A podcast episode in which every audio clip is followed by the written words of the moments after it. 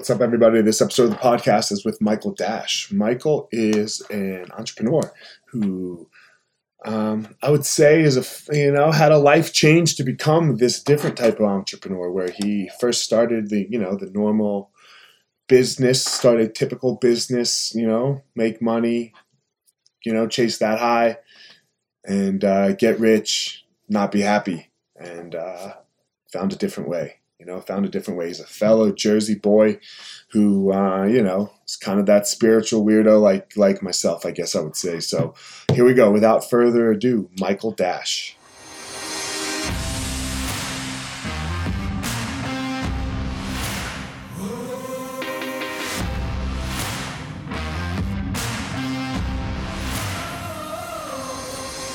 What's up, my ninjas? This is former UFC fighter Elliot Marshall, and this is the Gospel of Fire, where we are going to learn how to go into the fire so that we can find our power and live the best life possible.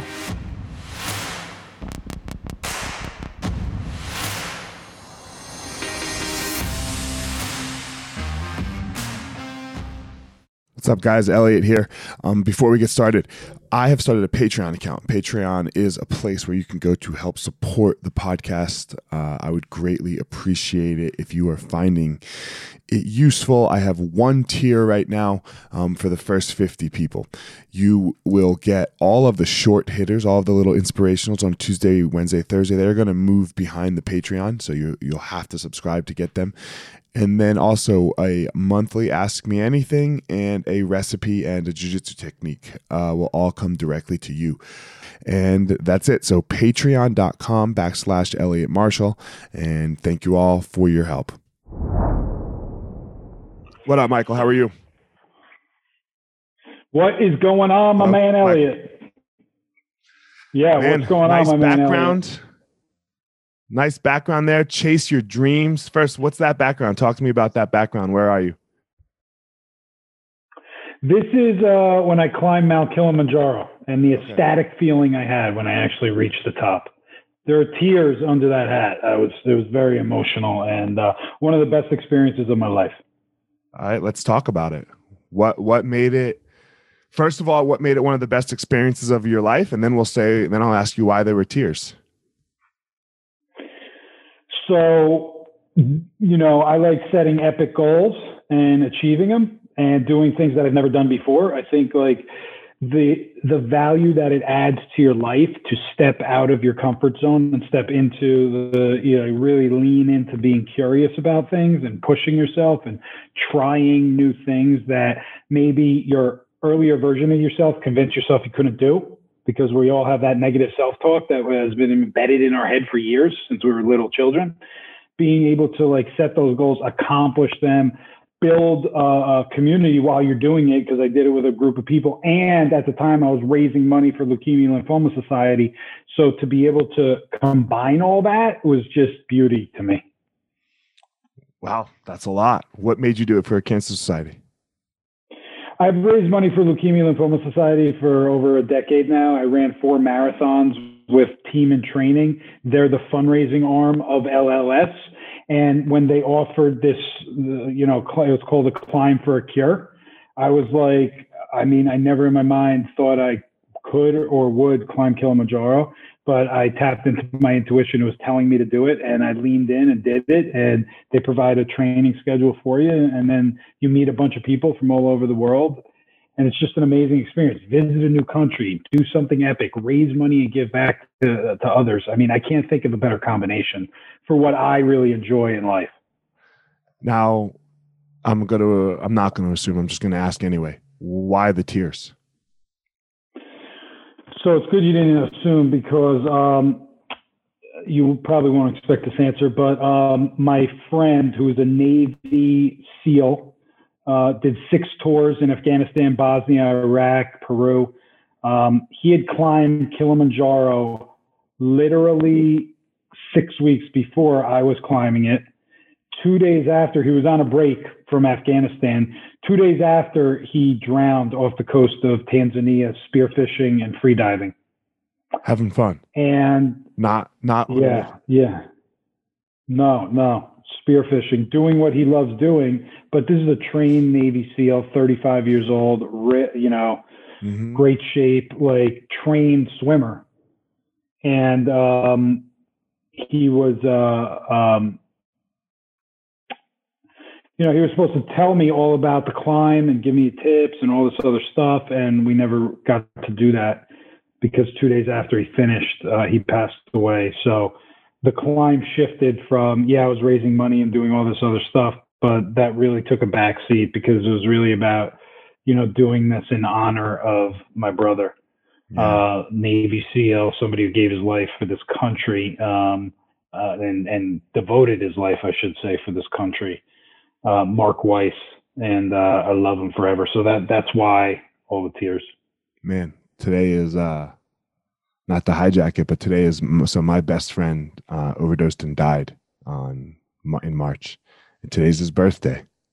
So wow, yeah, today's his birthday. Wow. 40, well, you know, you know, I feel, I feel that coming from a past of addiction, um, yeah. I, I feel that, man.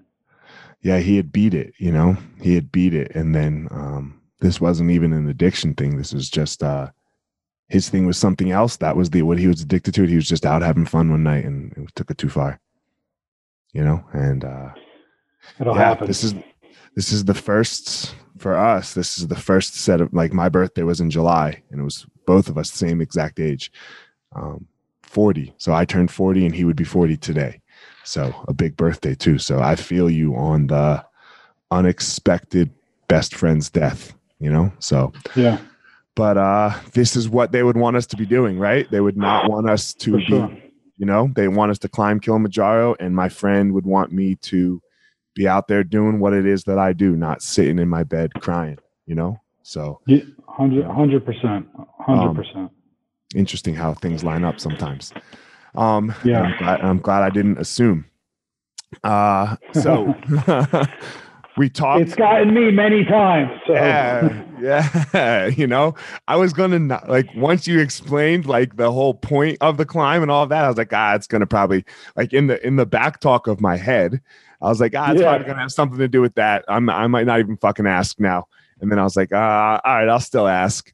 You know, that was all the. Bullshit. I'm glad you did. Yeah, yeah, for sure, man. Um, so um, we talked. We're Jersey boys, both of us. So yeah, and, fist pump, both, fist pump. and we and we both left. You know, we both left. What? Why did you leave Jersey? What? What got you out of Jersey? Um, you, where'd you you went? I'm sorry, I can't remember where you quite. Where did you go after Jersey? Well, I went to New York. Uh, okay. So where you know after I, I, went to University of Maryland. So after okay. I came back from college, I got a job in New York, and I basically did the New York scene for a decade, and you know built my career up there. Uh, maybe I shouldn't say a decade. Actually, it was two, four. It was about seven years that I did New York solely okay. and specifically. And I ran into a business opportunity. I was in the staffing and recruiting business, and I ran into a business opportunity out in Utah and it started. So I started doing that as a side hustle. That okay. side hustle turned into an actual business. Okay. So then I left New York to pursue the entrepreneurship, you know, uh, dream. Uh, I shouldn't say dream. I always knew I'd be an entrepreneur because my father was. So at an early age, I would follow my father around and learn everything from him. So um, when the side hustle turned into like a full fledged business, uh, I left New York went out to Utah, started this business with my ex business partner, and it was a uh, technology focused staffing uh, recruiting business uh, that we built up to about five and a half million in revenue a year. Um, and then I bought her out, and I had it for 12 years in total. Okay, and that is not what you're doing now, though, right? No, no, no. I sold that business. I actually grew to hate the very business that I built. and uh, a lot of things. I think a six year legal battle with my ex business partner had a lot to do with it. So after I bought her out, after about five and a half years, we had different visions. And when I bought her out, um, she violated our agreement within the first six months. And uh, it ended up she was having an affair with one of my directors in my India office. So I had an office in Utah, New York, and India, and had about 40 employees and she'd been having this affair with this uh, Indian director, who I inherited as my director after I bought the company. And me and her hated each other at the time. It wasn't a nice parting of the way. Wait, were you in a relationship as well? No, absolutely not. No, she was married with two children. Okay, She so was cheating on her husband God. with two children, two children she had, and having an affair with this dude in India because she started our India office. So she would go over there, she would recruit the people, the space. Mhm. I spoke to them every day, but I had never met them until I bought the company. Right? Got it. Yep. I yep. never wanted to go to India. It wasn't a desire of mine. Um, but um, yeah, after she violated the agreement, I still owed uh, her a few payments. Um, I paid 1.35 million for the company. I paid her a million up front, which I didn't have a million dollars at the time, so I had to borrow from here and borrow from there. And um, it just, uh, uh, you know, when she violated the agreement, my India office just started tanking. It was a million dollar producing office, and it just started tanking. These guys didn't want to work for me, and she was taking trips over to India within a month of the sale happening. So she was taking these guys, you know, her, this guy away to the Maldives and all over the place. And then within two months started a competing business and took nine of my 14 employees out of my India office and competed against me. Which I'm assuming was the violation. Yeah, I felt it was a violation, but she was Right. kind of skirting around it because, you know, our agreement was really a U.S. based agreement. These people were in India, so enforcing that is a whole challenge on its own. So you grow to hate this business and you sell it, and then what do you do? Uh, well, I, ha- I I settled my lawsuit. So I sold the business and settled the lawsuit after six years and going to trial and being on the stand five times and going through seven depositions over this time and accumulating $1 million in legal bills from my own legal team. I ended up hating my own legal team and having more animosity to them than I did to her at the end of the day. um, because I felt completely taken advantage of. Um, and at the time, I didn't have the perspective uh, that I have now, and I didn't have the growth that I have now. And my ego was driving all the decisions in my life. It was all about feeding my ego. And um, and yeah, so um, I, I had a bun. I was like, and I was all about accumulation. More money equals happiness. Like I had this thing ingrained in my head that if I was rich, I'd be happy. Um, until I had a bunch of money and I was miserable as fuck. God, And how? so I settled this lawsuit, sold, I had a bunch of houses. I sold all the houses. I settled everything. I paid the lawsuit off. I paid my attorneys off and I left. And I went to Cal- from Utah to California and basically started over. And, uh, you know, I took all those lessons that I learned and I wrote a book called Chasing the High about my journey through addiction, entrepreneurship, lawsuits, and really my journey to the edge and everything that I learned from that and how I was able to transition my life. And then started coaching other entrepreneurs and CEOs.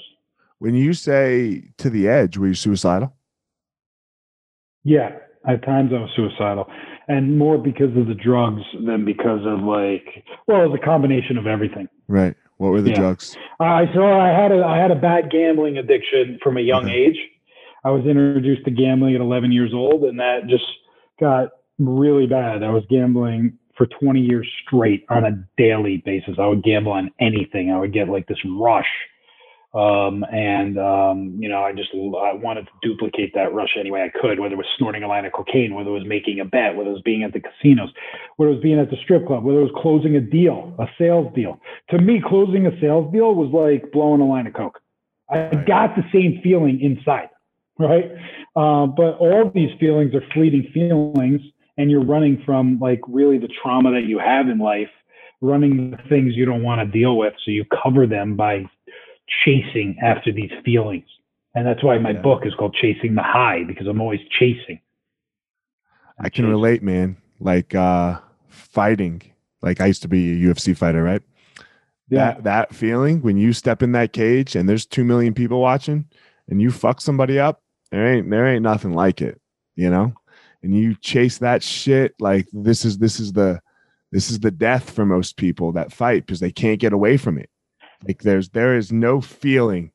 If I I always say if I could package that feeling in a drug, give me a week. Give me a week. I'd have I'd be the richest man in the world. Like I I'd beat Bill Gates. I'd beat Bill Gates and Warren Buffett combined if I could package that feeling. So that high, you know, uh that that we can experience sometimes can also be so dangerous. hundred percent. And not sometimes. It's really always really dangerous unless you're grounded. Unless you, I mean, you know, some of these highs can be good highs. I mean, Mm-hmm. you know, if you're building a business, closing a sale is a good high. Mhm. But it's only a good high, like if you're working on yourself, if you're grounded, right? If your ego is not out of control and all you're trying to do is impress other people, you have to be grounded with yourself and know what really your core values are and what and what it means to you versus trying to people please and, and, worry about what everybody else thinks because that's how I lived the majority of my life. how'd you get out of it? What made you get out of it? Because like you know everyone and and all, all these things that you're saying it's so great like i talked to somebody the other day well, you know this. It's not like it's not like you know that money's not going to make you happy. Like every everyone knows that but you but for some reason we get stuck in that trap. You know that this feeling is going to be fleeting but we get stuck in that trap so what did you do to get yourself out of that trap Yeah, it's a great question. I actually took a trip to Bali. Eat, pray, love, baby. Everything happens in Bali, and uh, and um, I uh, ended up at this retreat. And I didn't really know what the retreat was about, but at the time, I was like five years into the lawsuit. I was on the edge of like breaking. The thoughts, the, the wanting to end everything, were in my head on a daily basis. Right? I just wanted to escape because I built this life for myself that I ended that I thought I wanted, and when I had it, I hated it. I convinced myself I wanted this life for so many years, and I achieved the life that I thought I wanted until I had it and realized I didn't want it, and it wasn't bringing me fulfillment. So I uh, followed my intuition and went to Bali uh, and this retreat that was presented to me. At the retreat, two people were talking about flow consciousness and living their life in a state of flow on the premise that if it's not a hell yes in your life, it should be a fuck no in everything that you do. And I did not live life like that. And I did not have that perspective on life. You know, I was programmed basically, uh, not to anybody's detriment, because most of us are programmed by our parents. And, and what our parents program us is basically what they learned from their parents. So they're only doing the best that they can by the media, by the sensationalism, by all this shit, you know? And I was programmed to think entrepreneur, money, it'll bring you women, it'll bring you fancy houses, it'll bring you cars, it'll bring you fancy suits, it'll bring you happiness. That's what I believed uh, for so everything long, but that last thing right which is the only thing that matters. right None of that other shit matters. Fulfillment in life matters, right? Um, being able to wake up every day and live an effortless life and achieve things while doing it is the synchronicity in that is unbelievable. I didn't believe in any of this shit. We're from Jersey. We don't believe in this bullshit you said it fuck yeah right? Right. We don't believe in this bullshit. Like people No. would like I wouldn't even surround myself with people like this because they would just piss me off with their nonsense. man fuck Right? you fuck you bro fuck you Exactly, dude. I'm like, dude, are you kidding me? I'm like yoga, meditation, sound healing. Like this is all fucking nonsense. bro i wear You fucking know, give me a break. I'm from jersey and i wear meditation beads. Exactly. Who the fuck are we? What are we doing? We can't go back right? Like if we i mean like there's a there's they're gonna kill us if we go back. Well, you know, the, the thing is that Jersey and New York, they, they need our help. They need our help to know that waking up and working 10 to 12 hours a day and coming home is not a life. no. That is not a life. uh-uh. You can do things, you can create your own world. You can create. That's the thing that people forget because, you know, traditionally, for a majority of people, especially East Coast, it's, you know, go to school, get into great college, do all these activities so you can get into a great college. Even if you hate all the activities you're doing, you got to get into great college. Okay, do well in college, get a job, get a promotion, get an apartment, get a house, get the girl, have the kids, blah, blah, blah. Oh, I mean, uh, uh, no. You know, start a business or, you know, go for the next promotion, buy the suits, buy the watches, be this, be that. Like, or it's the you know, carve construction this, worker all, all the shit out. right? Or it's the construction worker Yeah. because there's a lot of that, right? Like it's the one or the Yeah. two. The, it's the one or the two things. Um, so that uh, you know, But and I think there's other ways to live life, man. Yeah, I think sometimes for me, um, I grew up with Holocaust survivors, my grandparents, right? So, and and our and and like you're saying, the the tradition of the not the tradition, of the programming from our you know from our parents to their parents, yada yada. Like I think that time period was was a very scary time period for everyone in the world, right? The Great Depression and World War II.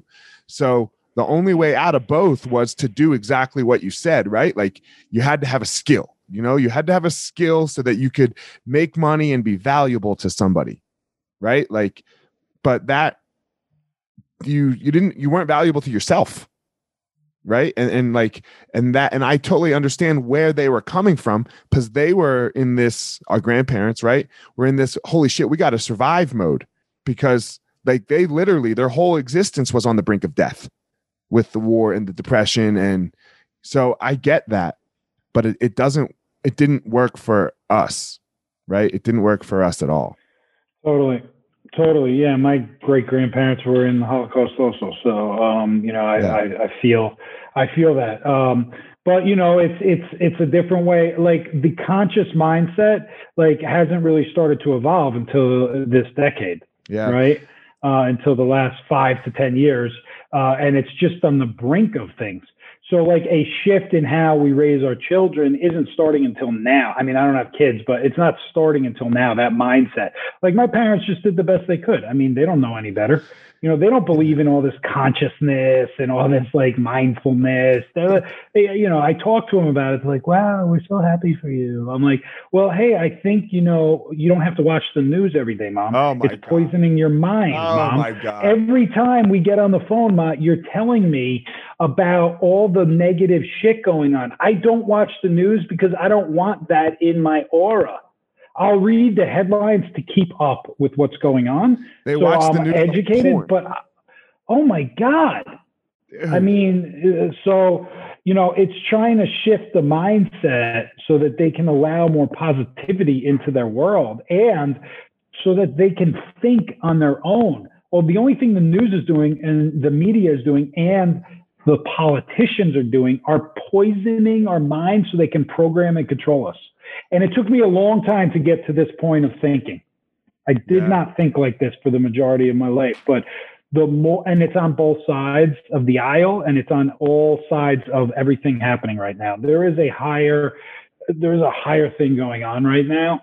And, you know, I just encourage anybody who's listening to this program, like to start exploring things that you believe because you've been told to believe them. Don't believe them because you've been told something's a fact. Just because somebody told you it's a fact doesn't actually mean it's a fact. It might be a fact in their mind, but it doesn't believe it doesn't mean it actually is. So do your research and form your own ideations and your own thought processes because I feel like that's like the biggest problem. Like this country's full of sheep. This world is full of sheep. I was one of them. Yeah. It's uh it's a tough thing, right? Because you can I mean, we're in the information age, right? And you can find almost anything you want on the internet. Like what do you want to believe? Totally. You're what so do right. you want to believe, right? Like you if you want to believe it, I guarantee you the internet's already thought of it. It's undefeated. So, you know, like it, it's such a you know, everyone's like, "Oh, information, information, information."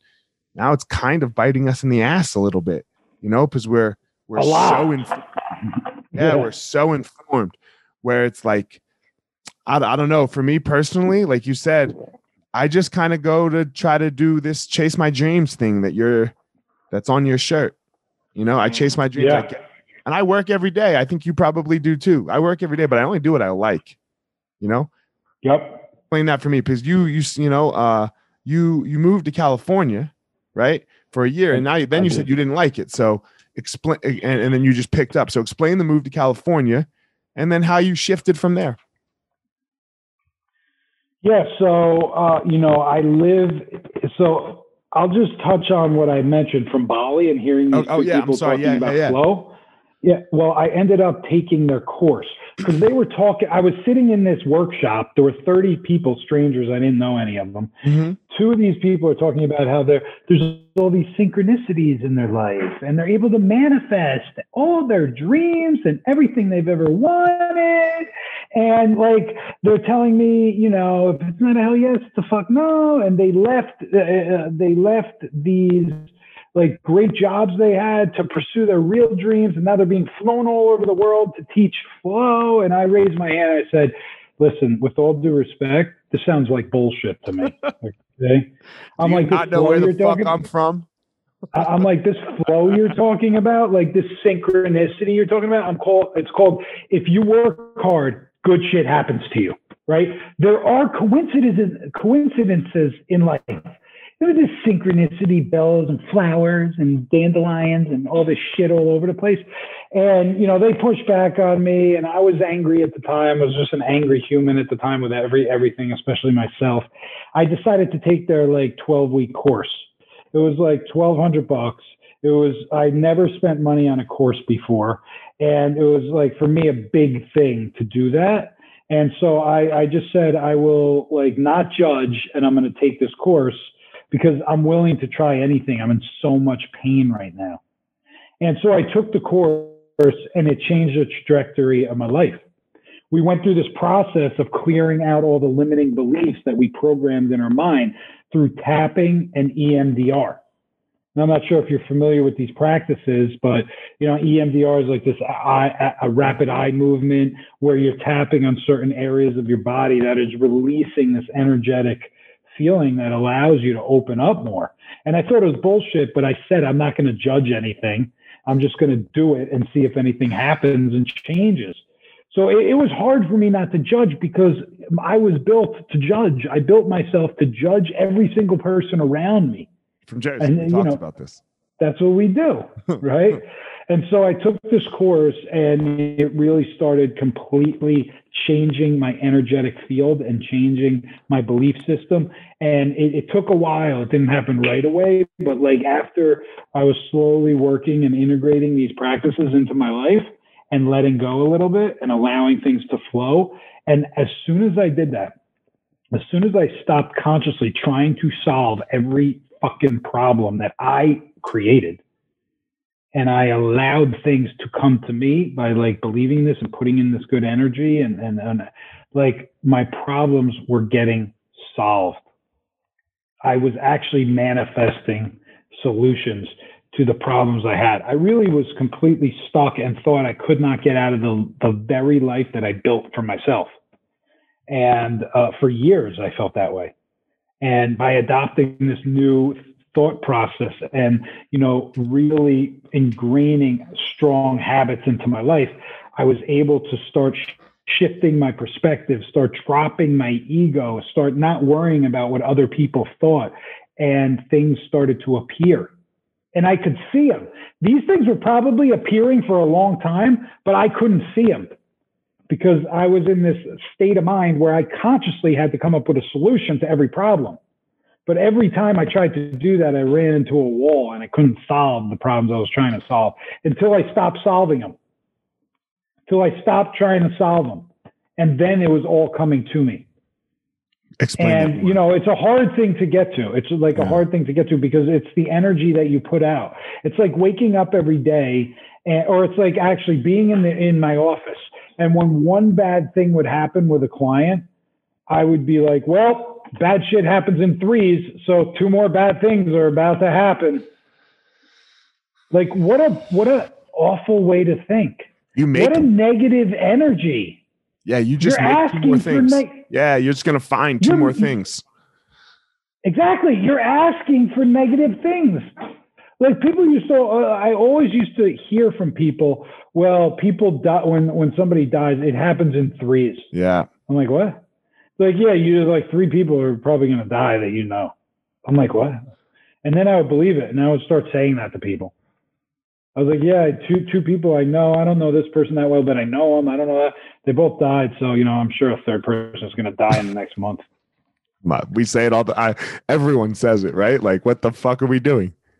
Like, why would we program ourselves? Why would we repeat that? Why not repeat, you know what, the sun is out today. And because the sun is out, I'm going to beam today. I'm going to have a fucking great day. I'm going to crush shit today. I'm going to attract energetic people that are leveling up my energy, not draining it from me. Why not think like that? It's hard. It's not because our default system is the negative to beat ourselves up.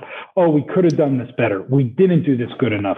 You ate too much today. You didn't work out long enough. You didn't read like you said you would. You didn't accomplish the tasks on your list.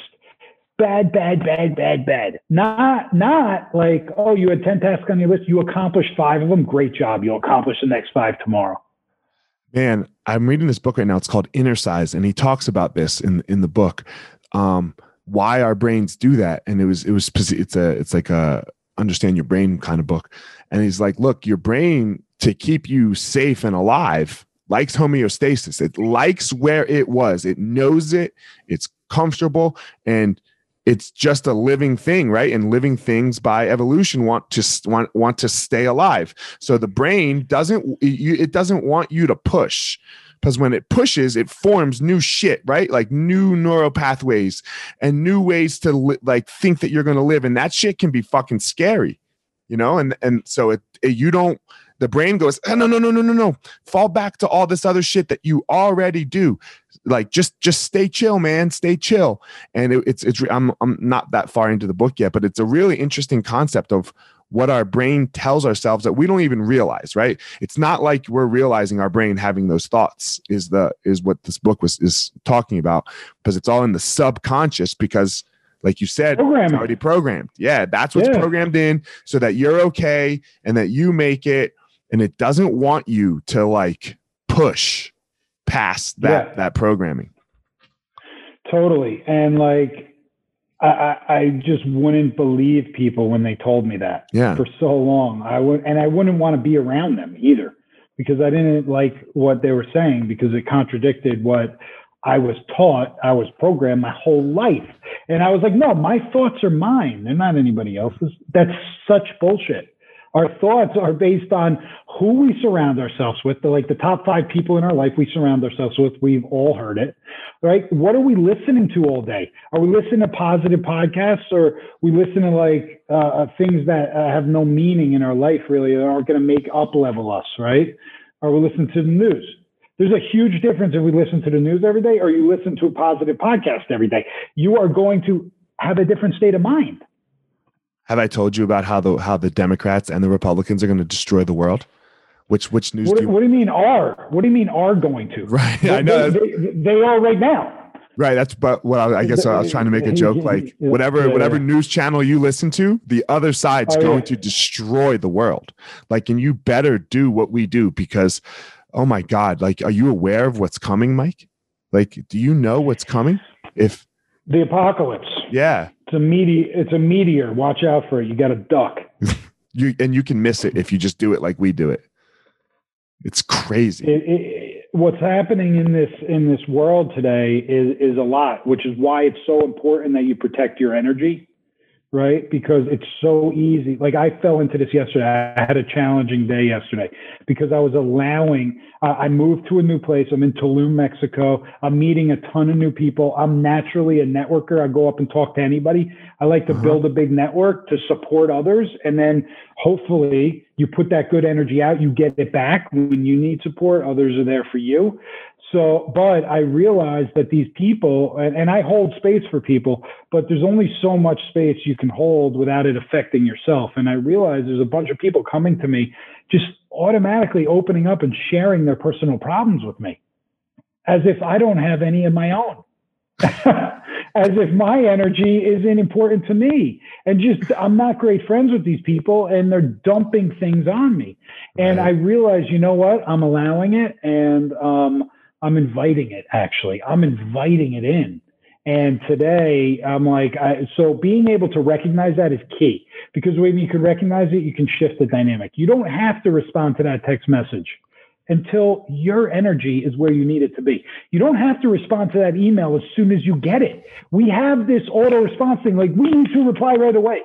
Nothing can't wait. Nothing. Unless it's a medical emergency, nothing can't wait. And that's for business and your personal life. So if you're in it, uh, I'm just going to take it yeah. one step further. So I'm just going to take go. it one step further. If if your emotional state is at a high or low level and not a, a normal state, like a, a healthy state, then I encourage you don't involve yourself in the interactions until you're at a level-headed state.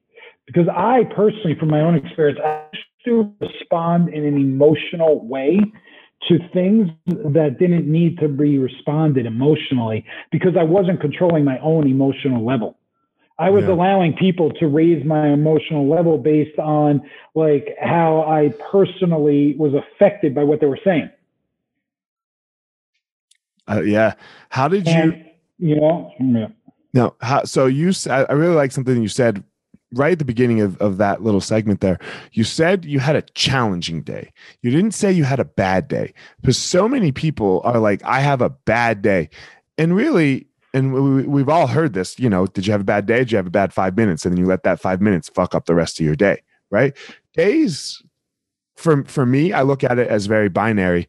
Days are always good unless somebody that I love and is close to me died. And if somebody that I love and is close to me died, then okay, I can have a bad day. And but that's the only reason for bad day. Days can be challenging and days can be hard, and I can get upset and and all those things. It doesn't mean we don't ex- like have human emotion, but it's not a bad day. How did you? How did you get away from that? Because obviously you don't have bad days either. You have challenging days, and then you have, you know. So how'd you do that? What what was that process like for you? It's just like wor- uh, words matter. Right. like I never believed it, but you know, I used to be this person. I like being the center of attention, making everybody laugh. You know, I was always like that.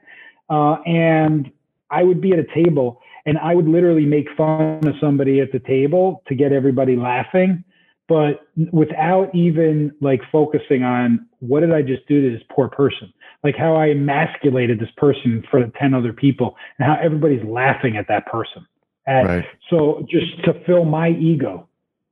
So, uh, you know, I used to do that, but it wasn't because that, that's kind of how I grew up. Like that's, that's Jersey, man. That's Jersey. That's time, what we do. You know? Yeah. You just bust balls. It's Jersey, yo. It's Jersey. But you know, you take that to other places, and uh, I was living in Utah, and like people can't handle that, uh, and it's not really becoming, and it's not really nice. It's not really like it's it's not being a douchebag. Yeah. So, you know, it took me a long time to realize. It just took me a long time, like working through the flow and then starting to listen to positive podcasts. I never listened to podcasts three years ago right and starting to listen to them and put positive thoughts in my mind you know allowed me to expand my thought process and it allowed me to start and reading a lot of self-development books and by doing I'm old, man. I know I look young, but I am old, brother. Okay. I'm 45. Yeah, I'm I'm 40, so we're not that we're we're the same. We're the same generation. so yeah. Yeah. Um. So Tulum now, right? Like uh, that, that. That is where you are located. What made you make that move to Tulum? I like to say I didn't make the move to Tulum. All Tulum right. made the move to me because, uh, like, I didn't plan any of what has happened, but I live in a state of flow, and I was in LA. I, I, left Utah to move to LA. Number one, to be closer to the ocean because it soothes my soul when I can sit on the sand and listen to the mm-hmm. waves crashing against, uh, uh, you know, the the ocean crashing against the sand and meditate and just relax. And there's something about it. So I originally moved out there for that reason. Then I moved to Venice Beach because it was like a, from what I understood, a spiritual um, kind of vibe to it, um, an entrepreneurial vibe to it. Those are the things that, that you know, I'm an entrepreneur at heart, mm-hmm. and I'm really continuing to explore the spirituality in my life um, and personal growth. But I, I didn't find it there. I found a lot of fakeness, a lot of like just not, uh, uh, yeah, I just didn't find it. Corona hit, obviously, COVID hit, and it was becoming increasingly poisonous in Venice specifically. The on top of what everything else was going on in the country, you had the fires in California, so you had this permeated like air quality that's terrible right. every day you walk out. The homelessness is out of control in Venice. You walk down the street and you just see tents lined up on the sidewalk. Uh-huh. Drug use on the streets is crazy. I'd walk by and see guys shooting up and like smoking from a spoon at eight o'clock in the morning when I'm trying to get my coffee. You know, the mental illness is cr- people are all walking on the streets screaming out loud because they're mentally ill and the services aren't being provided to these people. And it was starting to affect me really negatively. On top right. of the presidential election, on top of the racial division, on top of the COVID, like I, there is like, I said to myself, there is no fucking reason to be living here right now. None. But I didn't. So I, I was trying to go to Costa Rica for months because I'm hosting a retreat there in April. And uh, Costa Rica was just closed off to the US. And then they started opening a few states, not California. Nobody wants Californians in there because the COVID rate's out of control. So a friend posted a picture and I'm like, where are you? And she's like, I'm in Tulum. It's magical down here. And I'm like, I'm coming. I got to get out of here. I'm coming. I'm like, I'm coming down for a week. I'm going to leave in two days. She's like, all right, I'll pick you up from the airport. So I booked a trip to Tulum for, for a week. I ended up staying for three weeks. I met uh, uh, some people down here through other friends. Other friends had people in Tulum, so they connected me. This one girl I became friends with invited me over to work out at her place because all the gyms were closed. They had a workout thing downstairs. As we were working out, the guy from the second floor condo comes down and he's like, yeah, I just decided I'm heading back to the UK to visit my girlfriend. She really wants me back there. I'm going to give up my lease here and I'm going to leave. And uh, it was just in that moment, I was like, well, how much is your apartment? And uh, he's like, oh, it's 700 a month, fully furnished. I'm like, what? 700 a month? I'm like, all right, I'll take it. He's like, what? I'm like, I'll take it. He's like, do you want to see it? I'm like, I'll see it later. I'll take it. 700 a month. I'll pay it six months up front.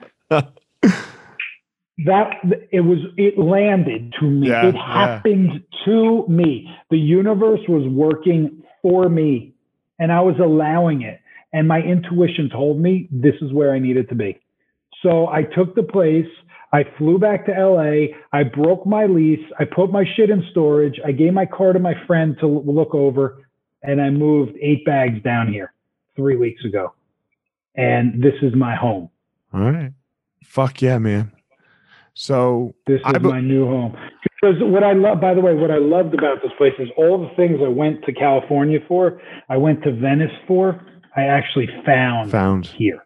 Yeah, that's cool, man. So I I believe that everyone has a superpower. Everyone has this thing that makes them amazing in the world. Like we talked about a little bit offline, like you got to go through the fire, right? And you you explained your fire um, very well, I would say what is your power man what what is it that makes you amazing that i'm from jersey number one and i have this complete growth mindset from where and how i was raised to allowing and exploring evolution in myself to get to a point where i know what i need to give back to others right? And the wisdom and like the fire that i walk through and that we've all walked through right is meant for a reason. It's meant to impact other people's lives. So from a su- superpower standpoint i am like really really amazing at networking and putting people together and letting magic happen for them hey, not, that's not your superpower that's just what you do that superpower and, is what you explained yeah yeah, yeah, and and so that's all combined, you know, together.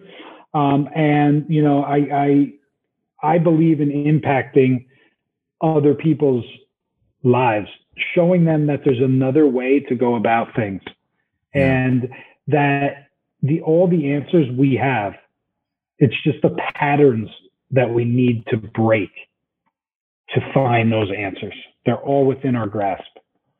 Fuck yeah, man. Well, I know you got to get out. You got a meeting. We both got a meeting. Uh, so I appreciate you coming on, man. Tell everyone where they can reach you if they want to work with you, if they just want to like connect with you, social media, all that stuff. Yeah, absolutely. Uh, first, my book, Chasing the High, uh, best-selling book, Chasing the High, and you know it really talks about you know some of the things I've discussed here. Uh, the two chapters I've gotten the most compliments on are the chapter about flow, which you could dive into. It talks about the principles of flow, and the chapter called the habit of habit making, which is really about the importance of building habits in your life, and as you evolve in life, evolving those habits as well. So you can get the book on uh, Amazon at chasingthehighbook.com or on Audible. If you want to hear this amazing Jersey accent for four hours, download that bitch.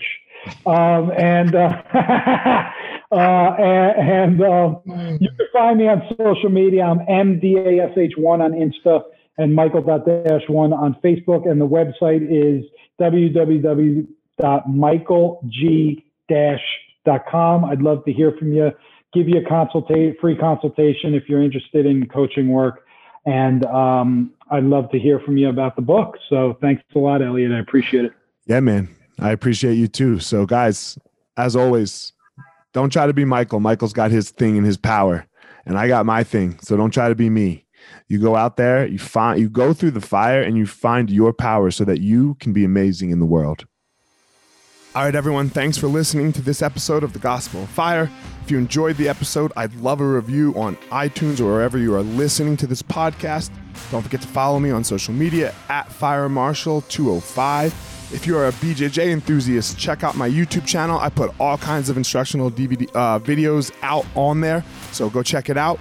My book is still out on Amazon by the same name as the podcast, The Gospel of Fire. So if you are interested, go check out that. And most importantly, guys, go out there every day, find your power. Thanks a lot.